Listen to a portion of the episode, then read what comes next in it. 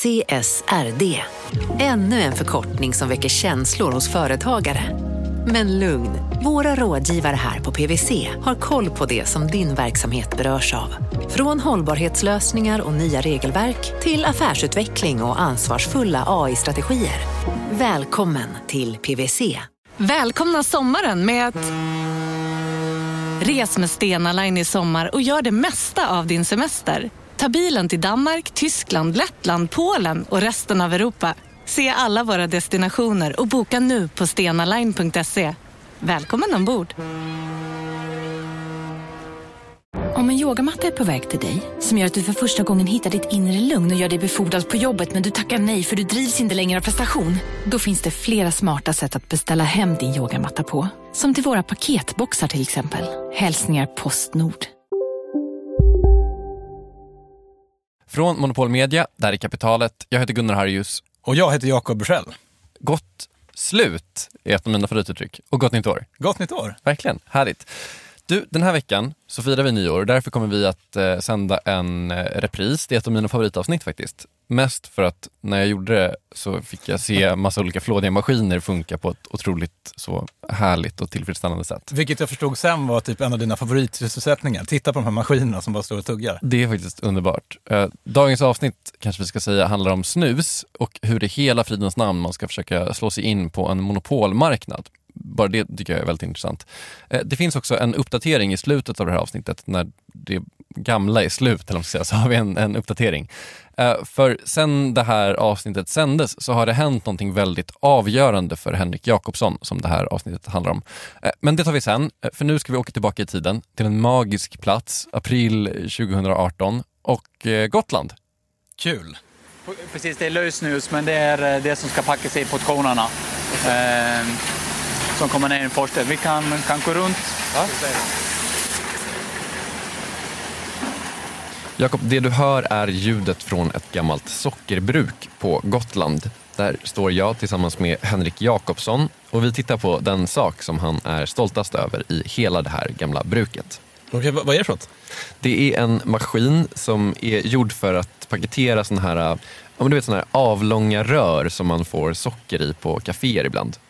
En sockerrörs paketeringsapparat helt enkelt. Ja, det kan man säga. Varför är han så stolt över den? Ja, men på något sätt så symboliserar den det som Henrik har åstadkommit. För den här maskinen, Jakob, den paketerar nämligen inte socker längre. Trots att den finns i ett gammalt sockerbruk. Det är faktiskt bara en slump. Utan det den gör, det är att den paketerar snuspåsar. För Henrik driver nämligen ett företag som heter Gotlandssnus. Men är det så svårt att paketera snus? Ja, att fylla en snuspåse och sy ihop den, det är svårt. Eller ja, det ser i alla fall väldigt svårt ut.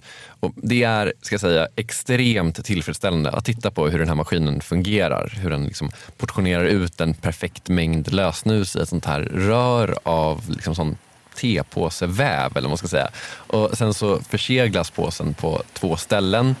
Henrik kallar det för att svetsa, att maskinen svetsar ihop påsarna. Och här är alltså själva påsningen. Just det, precis. Här är portionsnusmaskinen. Ah, där kommer liksom, är det tråden här så att säga? Är det själva på, det som blir påsar? Det är påsmaterialet och det är ett non-woven material, eh, likadant som man har i tejppåsar. Som eh, föder den här och svetsar den till, eh, till först ett rör och sen så fyller, uppifrån så fyller han på det här snuset som sen ska ner i varje portion. Och sen så längre ner då så svetsar han till botten så han kan fylla snuset. Efter det så går han upp och så svetsar han till toppen och klipper av den färdiga frillan som kommer ner på ett band. Och så här, jag ska vara helt ärlig. För mig så var hela den här resan värd bara för att se den här maskinen. För Det är som när man kollar på ett sånt här gammalt reportage som gick på SVT på typ 90-talet från fabriker och det är så himla härligt att titta på en maskin som bara så gör sitt jobb perfekt. Okej, okay. jag hoppas verkligen att du filmade den här maskinen då så att uh, lyssnarna även kan få se eller åtminstone höra den. Ja, men kul att du säger det. Skulle jag kunna få filma den här? Eh, ja, eh, lite längre ifrån i så fall. Ja, okej. Okay. Det är eh, snuset så jädra hemligt. men eh, absolut. Det är som du kanske hör ett väldigt oväsen men det Henrik säger är att snus är så jävla hemligt. Sen är ju Henrik superschysst ändå så han låter mig filma maskinen men bara på behörigt avstånd. Och även då märker jag kanske att han är lite obekväm med hela den här grejen. Men varför just snus hemligt? Liksom? Nej, men om man tänker på det så är det lite så här. Det finns rimligtvis inga företag som säljer specifika snuspåsningsmaskiner. Så har man hittat en maskin som funkar så är själva maskinen en affärshemlighet. Och så här är det inte bara i snusmarknaden, men det är lite extra så där, för det finns så pass få aktörer. Det finns Henrik som vi hörde precis, och så finns det några mindre tillverkare och sen finns det ett par stora amerikanska cigarettbolag som börjar liksom knapra lite på marknaden. Men så finns det Swedish Match. De har typ 70 procent av marknaden. En enorm spelare som dominerar hela den svenska snusmarknaden.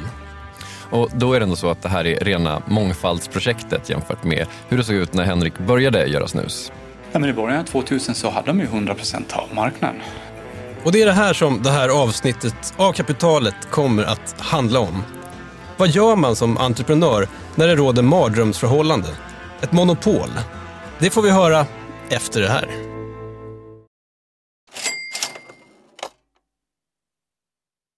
Vi sponsras av alltså Storbrand Asset Management som ju förvaltar över 1000 miljarder norska kronor, bland annat för SPPs eh, många pensionssparare. För två år sedan så investerade Storbrand i drygt 60 tåg, alltså tågvagnar, eh, som rullar mellan London och Skottland. De leasar sen de här tågvagnarna till tågoperatören som alltså kör tågen och säljer biljetter och sånt eh, med ett avtal på 27 år. Så britterna får nya fina tåg och storbrandskunder, eh, däribland alltså SPPs pensionssparare, får en inflationsskyddad avkastning med låga risker under lång tid. Det här är ett av supermånga exempel på hur pensionskapitalet i växande omfattning bidrar till att bygga samhället och inte minst till att klara klimatmålen. Det behövs elproduktion, elnät, batteriparker, nya transportlösningar och allt möjligt. Bara i Europa antas investeringsbehovet för att klara klimatmålen uppgå till tusentals miljarder dollar. Och det här är ju pengar som ganska ofta saknas i statsbudgetarna. Däremot är det här pengar som pensionsbolagen kan vara med eh, och stoppa in, vilket ger pensionsspararna en fin avkastning under lång tid samtidigt som man är med och ställer om samhället. Vi har gjort ett helt avsnitt om det här eh, som man kan lyssna på. Det publiceras här i Kapitalet i mitten av maj. Ratta gärna in det om ni vill lära er mer om hur det här funkar.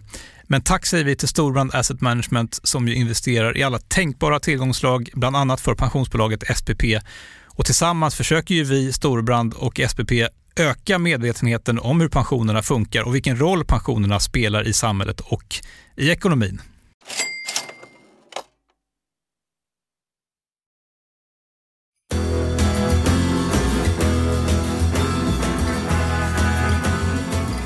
Ja, välkomna till Kapitalet alltså. Idag med mig Gunnar Harjus. Och med mig Jakob Bursell. Och dagens avsnitt handlar om två saker kan man säga. Dels handlar det om någonting väldigt specifikt, om Henrik Jakobsson som i början av det här millenniet bestämde sig för att börja göra snus. Och hur han gjorde resan från att sitta och paketera lösnus vid sitt köksbord till att han nu har ett företag som omsätter 40 miljoner. Men eh, genom Henriks upplevelser så vill vi också berätta vad som händer när man som en liten spelare ska utmana en stor spelare. Eller i det här fallet, när man som en liten spelare ska utmana ett monopol. Eller ännu mer specifikt, hur gör man för att utmana Swedish Match? Ett före detta monopol som funnits i 100 år och ett företag som omsätter typ en halv försvarsbudget, 17 miljarder kronor. Men vi börjar med Henrik. Han är gotlänning som man kanske hör av namnet Gotlandsnus. Men han bodde i Stockholm under en period innan han återvände till ön för att jobba på Ericsson som sen blev Flextronics där Henrik jobbade som kvalitetskoordinator. Ja, det är ungefär vad det låter som. Sen började ju outsourca eh, sin produktion utomlands och då började det lite varsel i, i, här i Visby också och då insåg jag att eh, eh jag kommer också bli arbetslös en dag. Eh, så då, det var då jag egentligen började fundera på det här med att försöka starta eget och hitta på någonting själv. Och eh, det jag tittade på var väl egentligen olika affärsidéer, men någonting inom produkt. Jag ska tillverka någonting. Eh, jag brinner för industri, tycker det är väldigt intressant och jag känner väl att jag är ganska duktig på det. Så, så det var där det började, där jag letade olika affärsidéer eh, och satt väl ganska tidigt egentligen innan jag startade upp Gotlands snus att en vision att jag ska bevisa att det går att ha industri i Sverige och jag ska skapa ett arbetstillfälle per verksamhetsår. Det fanns faktiskt flera anledningar till att det blev just snus för Henrik. Dels är han, kanske inte helt eh, överraskande, mångårig snusare. Men så fanns det också något annat. Jag tyckte väl att eh, själva produkterna i sig har stått väldigt still med de stora varumärkena. Varför kommer det ingen förändring där eller innovation eller nyheter?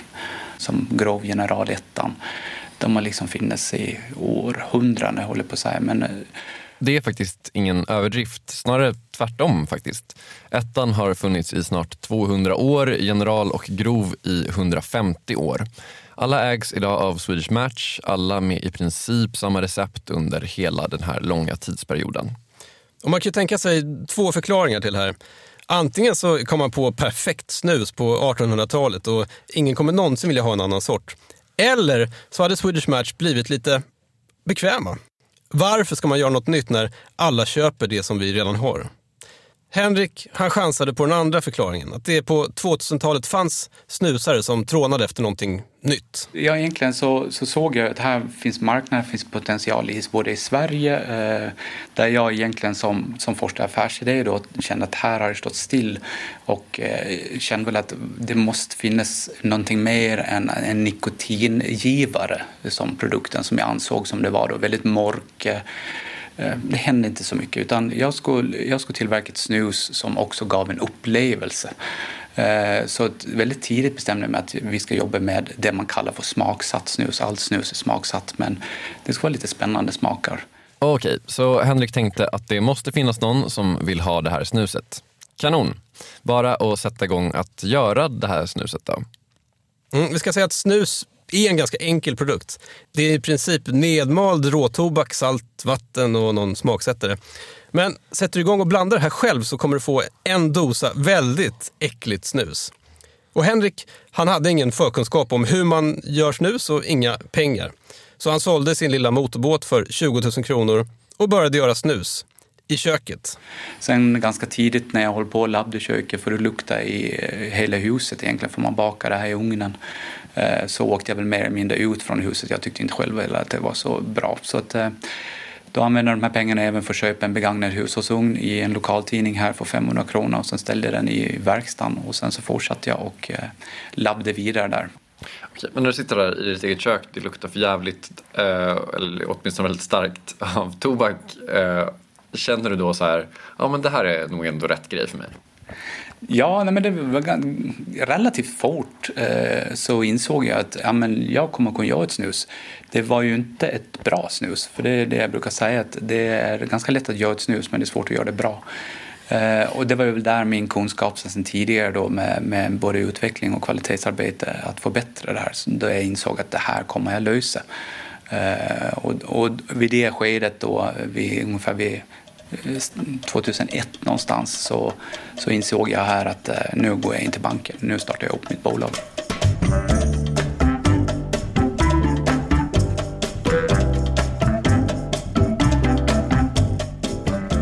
Och det går faktiskt bra. Henrik lanserade sin första produkt 2003, ett lösnus. Vid det här laget så har han jobbat med det här ganska länge och kan börja inse någonting. Ett problem. Det han upptäcker är att snusare är, kanske i högre utsträckning än andra konsumenter, konservativa. Man byter inte varumärke hur som helst och ja, det kan man ju tänka sig. Snusare är ju beroende. Henrik lyckades skapa intresse på Gotland. Han körde själv ut stockar med snus till tobakshandlare på ön. Men när han ringde till handlare på fastlandet, då möttes han av en skepsis. Varför skulle de ta in Gotlands snus? Ingen har ju direkt frågat efter dem. Så det blir ett moment 22 av allting. Du, du kan ju inte skapa en marknad och försäljning om du inte kommer in på de stora kedjorna. Så det är väl egentligen det som har varit det, det mest tyngste, varför det har tagit så lång tid att, att bevisa att man har en bra produkt. Här någonstans så måste vi prata om svårigheterna med den här marknaden. För snusmarknaden, ja, det är inte riktigt vilken marknad som helst. Nej, om vi tänker oss en annan marknad där det finns en spelare som dominerar så finns det i alla fall möjligheten att slå sig in och skapa ett intresse för sin produkt. Man kan stå på gatan och dela ut smakprov, göra tv-reklam och sätta upp billboards. Men med snus, ja, då är allt det där faktiskt förbjudet. Ja, marknadsföring av snus regleras i tobakslagen, paragraf 14. En näringsidkare som marknadsför tobaksvaror till konsumenter får inte använda kommersiella annonser i skriftmedia, radio, tv eller andra överföringar eller tekniska upptagningar på vilka yttrandefrihetsgrundlagen är tillämplig. Även annan marknadsföring av tobaksvaror till konsumenter än som avses i första stycket är förbjuden.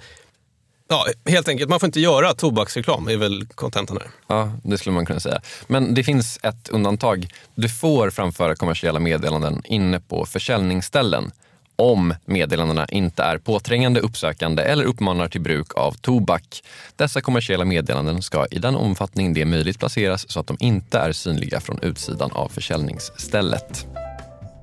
Ja, så med andra ord så får man inte uppmana till försäljning, men du får exponera ditt varumärke i butiker där snuset alltså säljs. Men för att få till den här exponeringen så måste det ju alltså säljas i butiken. Och ingen butik ville sälja Henrik snus för att de kände inte till snuset för att ingen butik sålde det. Så vad gör man? Jag kom på idén att jag var tvungen att ha någonting väldigt utstickande. Så det, det var egentligen då jag i ungefär samma veva utvecklade fram ett julesnus. Och eh, som eh, hade väldigt mycket eh, julkänsla i både smak och, och lukt. Eh, påminde om eh, glögghållet. Eh, och ringde då återförsäljare på fastlandet och sa att jag har ett julesnus i november månad och då håller de ju på att förbereda sin butik med pyntning och så vidare och tyckte att ja, men det här låter spännande, nej men skick lite. Och, eh, så det var en riktig dörröppnare och så ringde jag tillbaka i januari och frågade hur det varit. För de tyckte ju att de kunde erbjuda kunderna någonting speciellt. Så den satte de ju fram och pratade för också. Så de vill du köpa med. Men då sa jag stopp, stopp. Eh, nu är julen över. Men däremot har jag året runt produkter som ni kan köpa. Ja, så det här julsnuset blev alltså en väg in för Gotlands snus. Men bara för att man fått in en produkt i en affär så betyder inte det att man automatiskt får exponering i butikerna. Jakob, är det nu vi ska prata om kylarna? Ja, det är nu vi ska prata om kylarna. Det kanske låter som en liten fråga, men kylarna, alltså kylskåpen som snuset förvaras i i butikerna, har utvecklats till något av en stridsfråga. Ja, I kvällstidningarna har man till och med kunnat läsa om någonting som kallas för snuskriget. Och det har sin förklaring. Så här går det till. Om du har en tobakshandel så funkar det så här. Du får, eller i vissa fall så hyr du en kyl av ett snusföretag och då har snusföretaget kontroll över vissa saker. Till exempel reklamen som finns högst upp på kylen, som alltså typ är den enda reklamen du får göra. Men om det är så här så är det faktiskt nästan omöjligt att ta sig in på marknaden. Alltså Henrik, stämmer det här verkligen? Eh, ja, det stämmer till stor del. Eh, alltså kylarna ägs av, av ett bolag. Oftast ber de, eh, får de den möjligheten att sätta in en fin kyl då har de ju sina krav för att ställa den där. Och sen brukar man eh, de ge eh, en viss viss del av kylen till andra varumärken eller andra konkurrenter. Och tidigare var det faktiskt ännu värre, för då kunde de som ägde kylen välja att inte ha några andra snusmärken än sina egna i kylarna. Men så är det alltså inte riktigt längre. Eh, andra snusmärken finns nu i kylarna och marknaden håller på att jämnas ut lite grann. Tidigare så hade alla andra snusföretag neutrala grå etiketter i Swedish Matchs kylar. Alltså om du inte var en Swedish Match-produkt då syntes inte ditt varumärke utan då stod det bara med vita bokstäver på grå text. Medan Swedish Match hade varumärkesanpassade etiketter. Men i februari 2017 ja, då dömdes Swedish Match att betala 38 miljoner kronor i böter för missbruk av dominerande ställning. Och nu får man då exponera sin logga i deras kylar. Vilket är typ två tusendelar av deras eh, årsomsättning. Ja, det är kanske inte en supersvidande bot, jag håller helt med. Men även om det nu är så att man får vara med i den här kylen så är det en sak till som gör det svårt för Henrik. Eh, så syns det inte så finns det inte och det är ju inte så att man får den mest attraktiva placeringen eh, i, en, i, en, i en kyl som ägs av någon annan. Eh, så, men ja, det, det, det, vi har ju inte den, de resurserna mot de stora. Så, eh, så det, det tar tid. Eh. Ja, eftersom du inte får göra reklam så är exponeringen i kylen väldigt viktig och också den kan vara svår att få alltså. Ja, så Henrik han är alltså längst ner i de här kylarna. Ja, det låter som lite hopplösa förutsättningar. Så varför fick Henrik för sig att han skulle utmana det här? Det låter ju helt vanvettigt. Ja, dels är jag kanske inte helt säker på att han var beredd på exakt alla de här reglerna och twistsen and turnsen som finns på snusmarknaden. Men ja, det var ju en sak till. Men det var väl just det här att jag tyckte att jag stått still. Man, alltså, General Grov 1 den, den har alltid funnits och alltid varit stora produkter. Eh, men, men jag redan då såg att eh, vi kommer att förvänta oss nyheter i framtiden. Det är inte så länge sedan, men på den tiden så fanns det inte så. Tittar vi på bordsvatten så fanns det eh, vanlig neutral och citron kanske. Idag har vi en nylanserad smak på bordsvatten varje månad. Och det här kände jag att ja, men så här kommer vårt beteende vara och, och vi kommer vilja ha det på alla våra livsmedel och produkter. Henrik pratar mycket om mineralvatten. Han säger att han inspireras av alkoholmarknaden som är tidiga på trender. Och det är det som är styrkan med att vara ett litet företag. Man är lättfotad, man kan byta ut saker fort. Får någon en bra idé så kan idén sjösättas helt enkelt. Och Det är så som Henrik har nått den framgången som han ändå har nått med Gotlandssnus. Han började med det här julsnuset då och sen dess har han lyckats med ett flädersnus och idag så är deras storsäljare ett melonsnus. Men jag tänkte på det här med att man är en liten aktör som lever på att förnya sig och komma på nya idéer och nya smaker. Man borde vara rädd för att bjässen, i det här fallet då Swedish Match, bara kommer och gör samma sak fast i jätteskala. Vi har väl alltid försökt att ligga lite steget före just när det gäller den här smakutvecklingen. För den fanns ju egentligen inte i början av 2000. Det fanns några få eh, utstickande smaker. De andra konkurrenterna kommer ju idag också med smaksatta produkter. Och det, det är väl, det är väl mer sådana saker som, som vi säger att de, de börjar hamna där också. Utan då gäller det liksom att hel, hela tiden eh, flytta det steget eh, och göra det ännu mer unikt kan man säga. Så där känner vi väl att vi har varit snabba på grund av att vi är små. Och är man en stor organisation så är det ju, tar det mycket längre tid. Ja, eh, vi får väl se om Henrik och hans Gotlandssnus klarar av att vara lättfotade trots att de nu växer. För växer, det gör de. Sen så är det inte så att snusmarknaden ligger helt i Henriks eller ens i Swedish Matchs händer. Snusets vara eller icke vara har länge varit en brinnande fråga i EU. Henrik är av åsikten att snus inte är en inkörsport utan snarare ett sätt att sluta med rökning. Och han tycker att EU borde förstå det här. Ja, och vi ska ju säga att kapitalet inte uppmanar dig som lyssnar att börja snusa, även om det är väldigt gott. Och det gör inte Henrik heller. Eh, det hade ju brutit mot lagstiftningen. Men Henrik tror att snuset har en bra chans i Europa.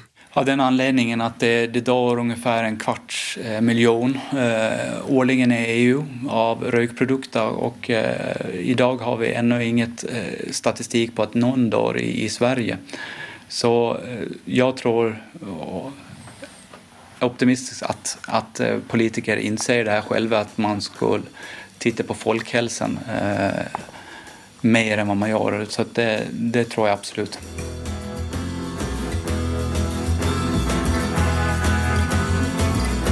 Ja, om det nu skulle hända så får vi se vilka som tar över den marknaden. Okej, det här är Gunnar i nutid, alltså december 2019 igen. Hej Gunnar, hej nutid. Hej Jakob i nutiden. I det här avsnittet som ni precis har hört då, så behöver jag kanske inte påminna er, men, men eh, vi pratar ju ganska mycket om hur det är att kämpa mot Swedish Match. Sen dess har det hänt en grej. Vad har hänt? Swedish Match har köpt Gotlandsnus. Va? Den sålde? Bra va? Jag vet att du vet det här. Vi har pratat om det här innan. Jag pratade med Henrik häromdagen och bara, det här måste varit ett sjukt svårt beslut att sälja sitt bolag till sin största eller typ enda konkurrent?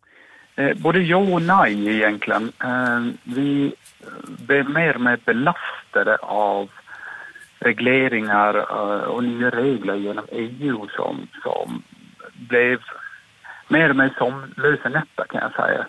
För jag visste inte riktigt hur vi skulle fortsätta och komma i mål med vår vision att bli det största industriföretaget på Gotland.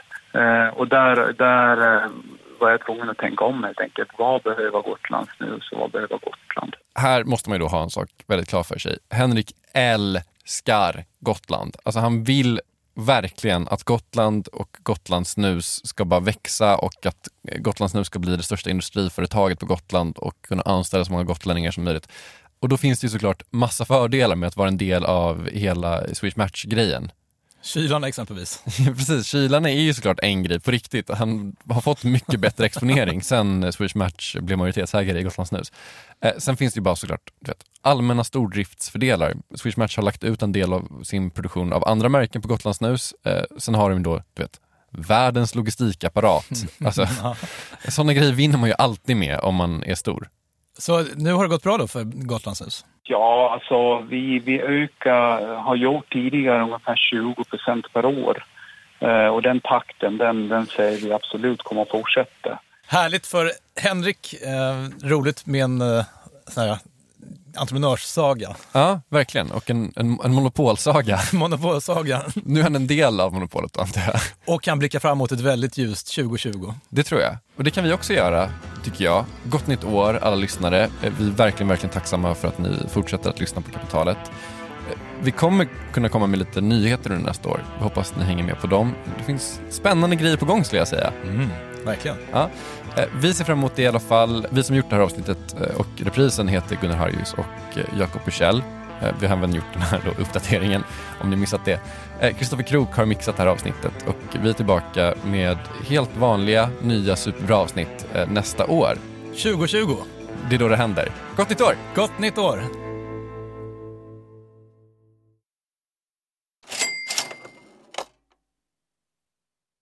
Kapitalet sponsras av Master Exchange, plattformen där du som privatperson kan investera i låtar och får pengar varje gång de här låtarna spelas. Eh, vi berättade ju senast eh, om barnlåten Puff the Magic Dragon som noterades av Master Exchange under våren. Nu har utdelningen på den låten kommit, eller royaltyn som vi säger i musikbranschen. Eh, den ligger på drygt 12% i årstakt och det här är ju en avkastning som är helt okorrelerad till eh, börsen. Till och med Goldman Sachs har börjat skriva om just musik som investering eh, just ur det här perspektivet. Nu finns en möjlighet att investera i en ny låt. Eh, låten heter Boss Bitch och den är av Doja Cat som, alltså jag ska inte säga att jag är superdeep här men det är ändå en, en person som jag vet om det är. En, en världskändis. Den här låten gav baserat på förra årets spelningar en avkastning på drygt 13%. Master Exchange har just nu en väntelista på registreringar. Det, det går lite för bra för dem kan man säga. Men skriver ni in kapitalet som promo code så kan ni runda kön och ansöka om andelar i låten Boss Bitch ändå. Man investerar helt vanliga pengar, det är inget krypto eller sånt där. Så vill du investera i musik och få en avkastning som är helt okorrelerad med börsen och kanske inte minst för att det är kul att äga låtar eh, så kan man gå in på masterexchange.com och använda kapitalet som promo code så går man alltså förbi kön. Kom ihåg dock att alla investeringar är förenade med risk men vi säger stort, stort tack till Master Exchange. Kapitalet sponsras av Karla, Jakob. Ja, bilar igen. Ja, det är härligt. På Karla kan man sälja sin elbil eh, på det gissningsvis smidigaste sättet i Sverige. Eh, Karla har ju ett, nästan ett komiskt högt användarbetyg på Trustpilot. Mm. 4,8 av 5, vilket jag typ aldrig hört talas om. Nej, det är väldigt, väldigt högt. Eh, Man knappar in lite info om bilen på sidan, sen får man en gratis värdering och ett bud. Accepterar du budet kommer Karla och hämtar upp bilen gratis och sätter in pengarna innan de kör iväg. Inget mer än så. Rätt fantastiskt. Nej, det är faktiskt Ja. helt otroligt. Och eh, det kan bli ännu mer eh, otroligt än så. eh, För att vi har nämligen en rabattkod som ger dig 2000 kronor extra för bilen. Så om du säljer din bil så får du två lax extra. Stämmer. Bara sådär. Eh, koden är Monopol och eh, den uppger du när du har värderat bilen och eh, pratat med Karlas inköpare. Koden är giltig till sista maj så att eh, passa på om du går i säljartankar. Jag undrar om vi haft en kod som har gett två lax bara sådär någon gång. Det är Nej, helt otroligt. man behöver en bil förvisso. Absolut, så det är inte, kanske inte bara sådär, men det är ändå 2000 kronor extra. Väldigt bra. Ja. Så sälj din elbil eller ladd hybrid till Karla. Du får 2000 kronor extra med rabattkoden Monopol. Eh, hoppa in och kolla på karla.se, Karla Museet. Där kan man också köpa bilar ska jag tillägga. Verkligen. Vi säger stort tack till Karla.